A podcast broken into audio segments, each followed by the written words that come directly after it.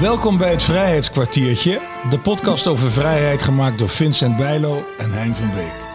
Praten over vrijheid is in een tijd waarin die vrijheid van veel kanten onder druk staat, heel erg belangrijk. Dat doen we in ongeveer 40 afleveringen van een kwartier met allerlei soorten mensen. Kunstenaars, wetenschappers, veteranen, journalisten, tentoonstellingsmakers, militairen. Allemaal vertellen ze verhalen van vrijheid om ze door te geven en het belang ervan onder de aandacht te brengen.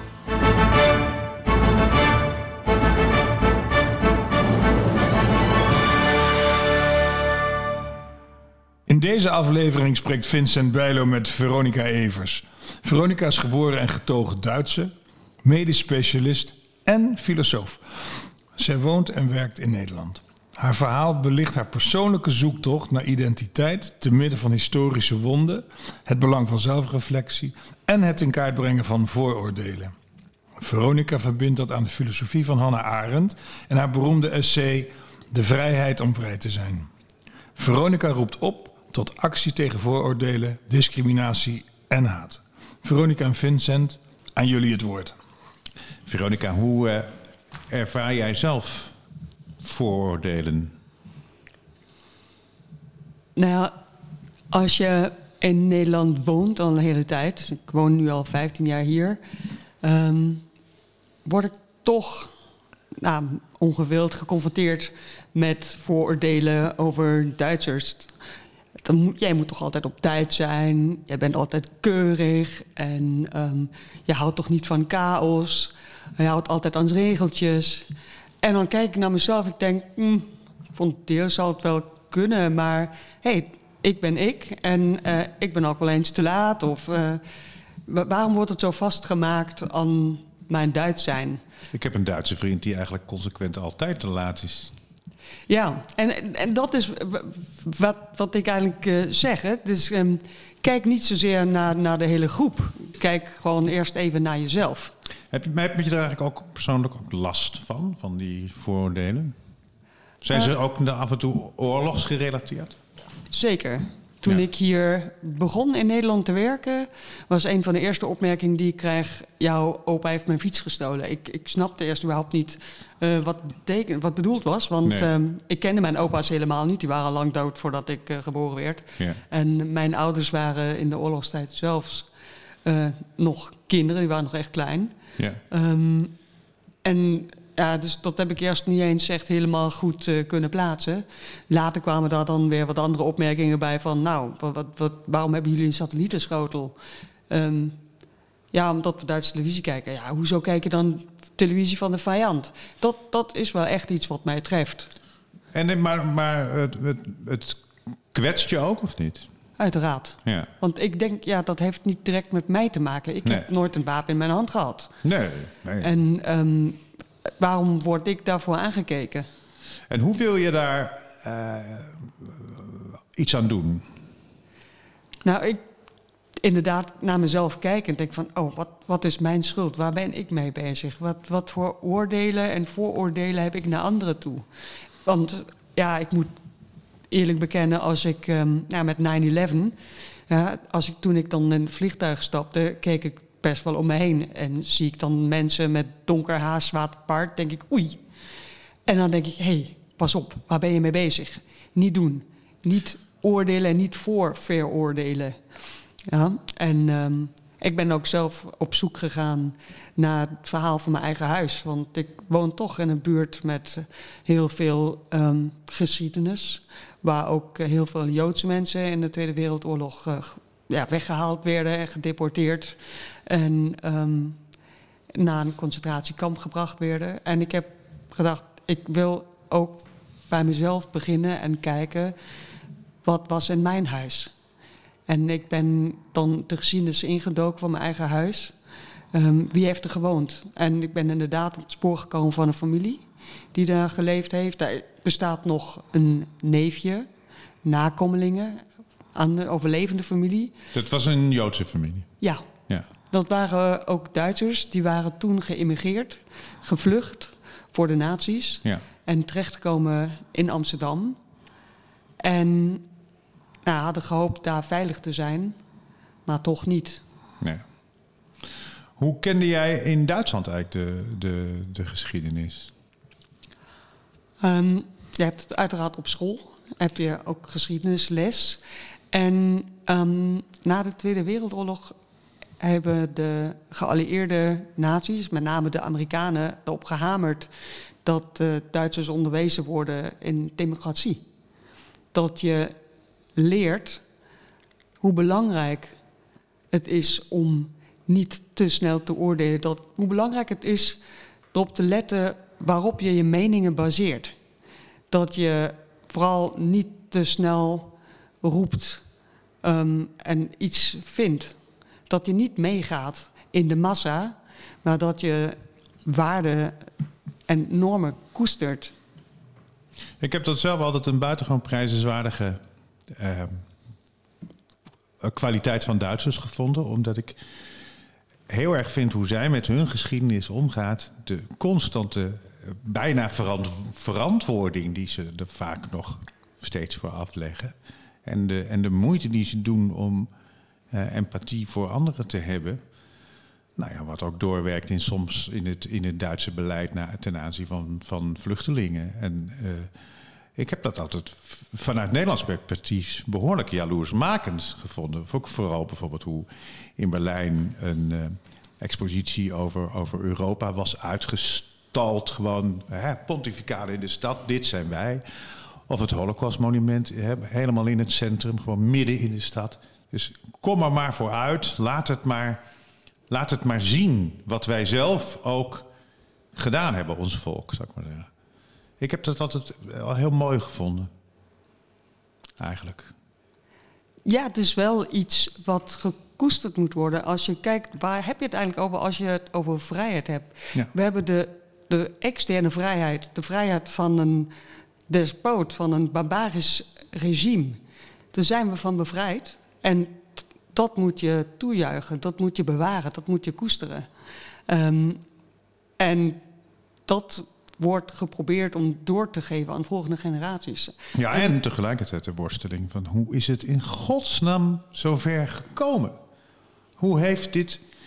Ik heb dat altijd nog als ik in Duitsland ben, dat ik ook denk van hoe is dat, hoe is dat gegaan? Hoe, en hoe kan voorkomen worden dat dat misschien nog een keer gebeurt? Hoe is iedereen daarin meegegaan? Die vragen waar je eigenlijk nooit uitkomt, die vond ik altijd zo belangrijk. Vind ik altijd zo belangrijk. Ja, dat is, kijk, dat is super actueel met de, met de deelstaatverkiezingen en het opkomst van de nieuwe rechte partijen. Ja. Um, dat is iets waar Duitsers zich ook heel erg druk om maken. Dat, dat er toch blijkbaar weer ruimte ontstaat voor, voor dit soort van extremisme. En um, daarom vind ik het om zo belangrijk en toch telkens erbij stil te staan en te kijken waar zijn we mee bezig? Wat, wat moeten we doen? We moeten vooral blijven opleiden en onze verhalen doorvertellen ook. En, en niet blind worden voor de nood van de anderen. Nee, zeker niet. En, en hoe, hoe kun je dit omzetten in, in, eh, in, in filosofische praktijk, zou ik maar zeggen? Kijk, wij hebben in Duitsland hebben we de, de vrijheid gekregen van, van een regime, zijn we verlost. En bovendien hebben we nog zoveel economische vrijheid gekregen dat we, ja, de meeste Duitsers hoeven niet echt erover na te denken of ze een boterham kunnen eten of waar ze kunnen slapen. Dus ook die vrijheid hebben we. En dan kunnen we eigenlijk verder gaan en denken: wat doe ik dan met die vrij geworden ruimte waar ik mij niet druk om hoef te maken over eten en en slapen. En... Ja, dus die de allereerste levensbehoeften zijn voorzien. Wat, Precies. Hoe gaan we dat nu? Neem we hebben deel nu een enorme luxe om dat te doen. Neem deel aan de maatschappij. Ja. Zorg ervoor dat je het recht waarneemt om aan de verkiezingen deel te nemen. Wees ja, politiek actief eigenlijk wel. Maar hoe geef je dat persoonlijk vorm, jijzelf in Nederland? Ik denk vooral door um, het goede gedrag te laten zien. Je kan altijd een voorbeeld zijn. Um, en ik probeer vooral om met mensen in gesprek te gaan. Ja, vooral als ik hoor, nou, als ik geclassificeerd word, oh, jij bent Duits, je moet dit en dat en zo doen, ehm, dan toch te vragen, hé, hey, waarom vind je dat? En waarom zie je niet mij? Waarom zie je alleen mijn nationaliteit? Dus Ja. ik denk in gesprek gaan met elkaar is het meest belangrijke. Niet in groepen denken, in mensen denken. Wat is er in Hannah Arendt dat je zo aanspreekt? Dat is precies waar zij het over heeft. Ehm, te kijken, waar hebben we het eigenlijk over als we het over vrijheid hebben? De vrijheid inderdaad los te zijn van echt primaire behoeftes, zoals eten en drinken. Ja, je hebt natuurlijk Roosevelt zijn vier vrijheden. hè. De vrijheid van, eh, van godsdienst, van, van eh, vrijwaring van gebrek. Dat is, dat is precies wat je nu zegt. Ja. Vrijwaring van gebrek, vrijwaring van vrees en vrijheid van meningsuiting. Dat zijn de, de four freedoms. Ja. Ja, en, en Hannah Arendt zegt gewoon, ja, je hebt dan de vrijheid om deel te nemen aan de maatschappij, aan nou politieke veranderingen. In, in dat essay wat ze heeft geschreven over vrijheid, de vrijheid om vrij te zijn, gaat ze eerst uiteenzetten wat het betekent, de vrijheid. En dan heeft ze het over revolutie. Ze stipt dan ook de, de Amerikaanse en de Franse revolutie aan. Wat is eigenlijk het verschil? Ehm, wat ik echt wel opmerkelijk vind, vooral ehm, in de Amerikaanse revolutie, waar en de Amerikanen die dan nog steeds zingen over het land van de vrije, ehm, dat dat helemaal los gezien werd, blijkbaar, van de slavernij. Want de Amerikaanse welvaart in 1779 ehm, baseert volledig op het werk wat door tot slaafgemaakte mensen verricht was. Maar die werden helemaal genegeerd en bij de revolutionaire eh, gang helemaal niet meegenomen. Nee, je kon dus blijkbaar een compartiment in je, in, je, in je geest afsluiten, waardoor die vrijheid eigenlijk alleen maar voor jouzelf gold, voor je eigen volk gold. Nou, in ieder geval, Eigen mensen, zou ik maar zeggen. in ieder geval niet voor die tot Nee. slaafgemaakte in Amerika. Daarentegen, tien jaar later in, in Frankrijk, was het helemaal anders. Want daar waren alle mensen behoorden bij het volk. Ook de aamste van de allerarmsten, dat waren nog steeds mensen van het volk. Ja, maar dat is raar, want de, de, de, de Franse mensenrechtenklaring uit 1788, eh, 1789... die is min of meer gebaseerd op de Amerikaanse grondwet. Ja, en dat is juist het opmerkelijke. De Amerikaanse grondwet dat heeft dus het slaafgemaakte compleet genegeerd. Ja. Waarin tegen de Fransen ook de armste mensen hebben meegenomen. Ja. Zo is, dat hebben we ook kunnen zien in de, in de podcast met Lars van Trout... Zo zijn, zo zijn die mensenrechten eigenlijk soms een enorm samendrukbaar en selectief ding. Dat je dus kan gebruiken eh, ja, naar gelang jouw positie in de wereld. Ja, je moet vooral heel goed kijken wat betekent eigenlijk vrij zijn en voor wie betekent vrijheid wat. Als ik naar, naar Saudi-Arabië kijk, dan mag een vrouw niet eens auto rijden.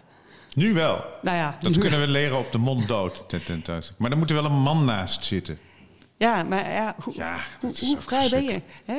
En ja, wellicht ligt de oplossing voor alle problemen van de wereld in een Afghaans meisje dat nu niet naar school mag gaan, omdat ze een meisje is. Ja. Dat kan toch niet? Nee. Als jij nou. ehm,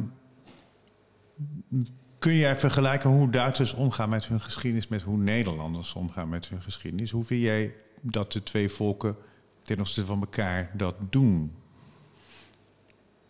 Ik kan vanuit mijn eigen opleiding op school zeggen dat wij ja, tot in onze DNA hebben gestopt gekregen dat zoiets als de Holocaust nooit meer mag gebeuren en dat Duitsers daarvoor verantwoordelijk waren en dat Duitse volk gewoon voor een goed deel is meegelopen. En ook dat er mensen waren uiteraard die in opstand zijn gekomen. Ook Duitsers zijn toen in opstand gekomen. En wij hebben geleerd dat we vooral moeten uitkijken dat we de goede kant kiezen. Dat, wij, dat er normen en waarden zijn die je niet los mag laten. Maar ik heb bijvoorbeeld in mijn opleiding nooit geleerd dat de Nederlanders een heel groot aandeel hadden in het wegvoeren van die 110.000 Joden, Sinti en Roma uit Nederland. En dat wij daar wel degelijk ook mede schuldig aan waren. Dat is net zo meer als ik ontzettend weinig weet, vanuit mijn opleiding althans, over ons koloniale verleden. Dus ik vind dat hier in Nederland er niet goed met onze, onze geschiedenis en, en, uh, en, en onze eigen rol daarin is omgegaan. Kijk, maar ja, dat kun jij natuurlijk niet zeggen. Dat, jij, je kunt het niet, ver, niet vergelijken. Wat, ik merk wel dat, dat ik natuurlijk een andere socialisatie heb wat dat betreft dan Nederlandse mensen, uiteraard. Ja. Um, maar hoe vind jij dat Nederlanders over hun eigen geschiedenis praten, bijvoorbeeld? Nou ja, wat ik merk inderdaad is precies wat je schetst eigenlijk wel. Ja. Dat um, hand in eigen boezem steken, dat is een pijnlijk verhaal. Maar dat is zelfreflectie natuurlijk altijd. Ja, ja, je komt soms tot verrassende inzichten. Meestal ook wel pijnlijke inzichten, maar het is altijd leerzaam. Het is, zelfreflectie is ontzettend belangrijk. Begin bij jezelf. Waar ben ik eigenlijk dagelijks mee bezig? En um, hoe gedraag ik me naar een andere toe? Hein. Ja, ik zit uh, hard mee te denken, want die vraag die Vincent stelde eigenlijk over onszelf op school. Ik bedoel, ik heb kinderen en een kleinkind tegenwoordig. Um, als ik kijk naar mijn eigen lagere school, middelbare school, dan uh, wij waren een trots land en we hebben hadden een VOC en we deden eigenlijk alles heel erg goed. Tweede Wereldoorlog, nou wat Vincent schetste, dat is natuurlijk eigenlijk vreselijk. Hè? Dat er heel veel dingen in dit land zijn gebeurd terwijl we het niet wilden zien. En dan is het dan weer voor mij makkelijk te oordelen, hè? omdat ik heb het niet meegemaakt. En mijn ouders zaten dan ook nog mijn familie aan wat heet het, maar aan de goede kant. Dus het is, het is, maar we zijn daar wel heel slordig mee omgegaan. En je ziet ook wel nu een kentering. En wat natuurlijk belangrijk is, is dat we met de jeugd gaan praten. En, en ik, uh, Veronica, wij kennen elkaar, laten we daar ook niet moeilijk over doen. En je hebt een dochter en je zit op de internationale school. Praat je zelf op zo'n school met de klassen, met de, de leerlingen en de leraar... Uh, om te kijken hoe, hoe dit leeft uh, in, in internationaal? Ja, kijk, mijn, mijn dochter is natuurlijk nog klein. Ja. Maar... Hoe oud is ze? Ze is acht. Ah ja. Um, maar, nou, die heeft een oppasmoeder al sinds haar geboorte eigenlijk wel. Mm -hmm. Dat is, uh, nou, ik zeg altijd net Marokkaan. Die is dan uh, weliswaar in uh, Amsterdam geboren. Maar ja. ja, hoort wel dan bij de Marokkaanse community. Ja. En haar beste vriendinnetje, dat is een, een meisje diens ouders uit Israël komen. Mm -hmm. En um, ja, dat is dus een melting pot van allerlei verschillende invloeden en culturen. Ja. En die kinderen kijken niet om wie van waar is. Gewoon, is die lief voor mij, heeft die snoepjes of niet? Weet je wel? Ja. Um, maar het is wel zo dat we met de ouders natuurlijk wel gesprekken hebben. Ja. En um, toen we de struikelstenen uh, bij ons voor de deur kregen, heb ik natuurlijk ook mensen uitgenodigd. Ik heb met name ook ouders en vrienden uitgenodigd um, die, ja, hoe dat nu is gekomen, weet ik niet zo goed. Maar het zijn toch allemaal mensen met um, Joodse achtergronden. Hè? Um, en die heb ik uitgenodigd voor de ceremonie, voor het leggen van de struikelstenen. Ja. En um, daar hebben we natuurlijk gesproken over de Duitse geschiedenis. En uh, hoe het hier is om als nou ja, buitenlander in Nederland te wonen. En dat is dus wel interessant, want van die mensen heb ik eigenlijk nooit dit soort van vooroordelen en, en commentaar gekregen, zoals wat ik nou ja, van Nederlanders nog wel eens te horen krijg. Nee. Um, en ja, dat vind ik nog wel opmerkelijk. Ja, dat is het zeker. Maar daarmee kunnen we misschien ook wel voorzichtig optimistisch concluderen dat een aantal dingen zich vanzelf oplossen in hoe multicultureler onze wereld wordt. Mm. Eigenlijk. Dus hoe dat lijkt me toch niet te naïef gesteld. Denk jij daarvan? Nou, zeker niet. En ik blijf toch stellen ook dat als je naar de mensen kijkt dan, en elkaar leert kennen, dan zullen toch hopelijk ook de oordelen, de vooroordelen over groepen en hele volkeren afnemen. Nou ja, je weet natuurlijk nooit hoe groot de antikrachten zijn. Omdat Berlijn in, de, in het uh, interbellum was natuurlijk ook een waanzinnige creatieve uh, interculturele uh, plaats. Als je die muziek gaat draaien van, van, van, van, van, van Berlijn in het interbellum. Dat is fantastisch wat daar, wat daar gedaan werd, wat daar gemaakt werd. Waar alles mocht, bijna. Toch? Ja, en die, en, die, en die antikracht die zo woedend dat allemaal weer heeft neergeslagen. Met zoveel agressie. Daar, daar ben ik persoonlijk af en toe nog wel eens bang voor. Ja, als je daar nou weer naar Hannah Arendt kijkt, dat is precies wat ze zegt. Um, dit soort van omslagen, zij heeft het dan over revoluties, die ja. vinden bodem als de regering die er zit. Dat hoeft er niet eens democratisch gekozen regering te zijn. Maar als die regering, die machthebbers die er zijn, als die beginnen te dysfunctioneren, als dat in disbalans komt, als daar een scheur in komt, dan kunnen extreme krachten, die gaan er dan inspringen en um, ja, gaan de hele boel tot ontploffing brengen. Ja, maar daarom ben ik altijd ook zo. Uh, de heer Wilders begint over een een Haags tromboneclubje. En dat is dan het residentieorkest. Of hij begint over, uh, over die vreselijke linkse hobby's van cultuur. Dan denk ik een beetje aan Geuring, die zei: uh, Als ik het woord cultuur hoor, dan trek ik mijn revolver. En je mag natuurlijk niet, niet al die dingen altijd zo opblazen, maar het zaad, daar gaat het om, dat gezaaid wordt. Je moet gewoon oppassen wie de ja, wie de interpretatieautoriteit ook vasthoudt. Ja. er kan wel alles geroepen en geblazen worden. Als we maar blijven opletten op wat zeggen we en wat bedoelen we, kunnen we, worden we vooral niet misverstaan. Dat zeker niet, maar ook waar ik bedoel, die Halbe Zijlstra 2001, uh, 2010, dat was net toen jij net hier was, denk ik. Ja. Die uh, zo ruzieloos begon te snoeien in dat cultuurlandschap. Dat je denkt, daar zit een enorme agressie en een, en een woede achter. Dat je, dat, ik word daar persoonlijk gewoon echt, echt bang van. Maar dat moeten we natuurlijk niet hebben. Want we moeten natuurlijk gewoon uh, echt heel erg vasthouden aan onze kracht en onze power. En juist in die tijd.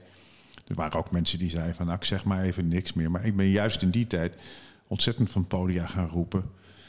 Uh, uh, juist wat we wel wilden. En, en dat moet je natuurlijk gewoon blijven doen. Dus misschien moeten we gewoon concluderen dat we altijd moeten vasthouden aan onze eigen kracht. En wat wij vinden, dat moet. Is dat een goede conclusie? Ik denk zeker dat we blijven moeten vasthouden aan de kracht van het woord en het gesprek. En ons niet monddood laten maken. Dit was het uh, Vrijheidskwartiertje, gemaakt door Hein van Beek en Vincent Bijlo. Muziek, Kilian van Rooij.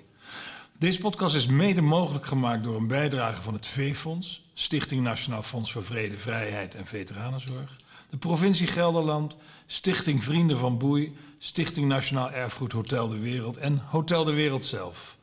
Mocht je dit een interessante podcast vinden, deel hem vooral, geef reviews en geef sterren. En alle info tref je aan op vrijheidskwartier.nl.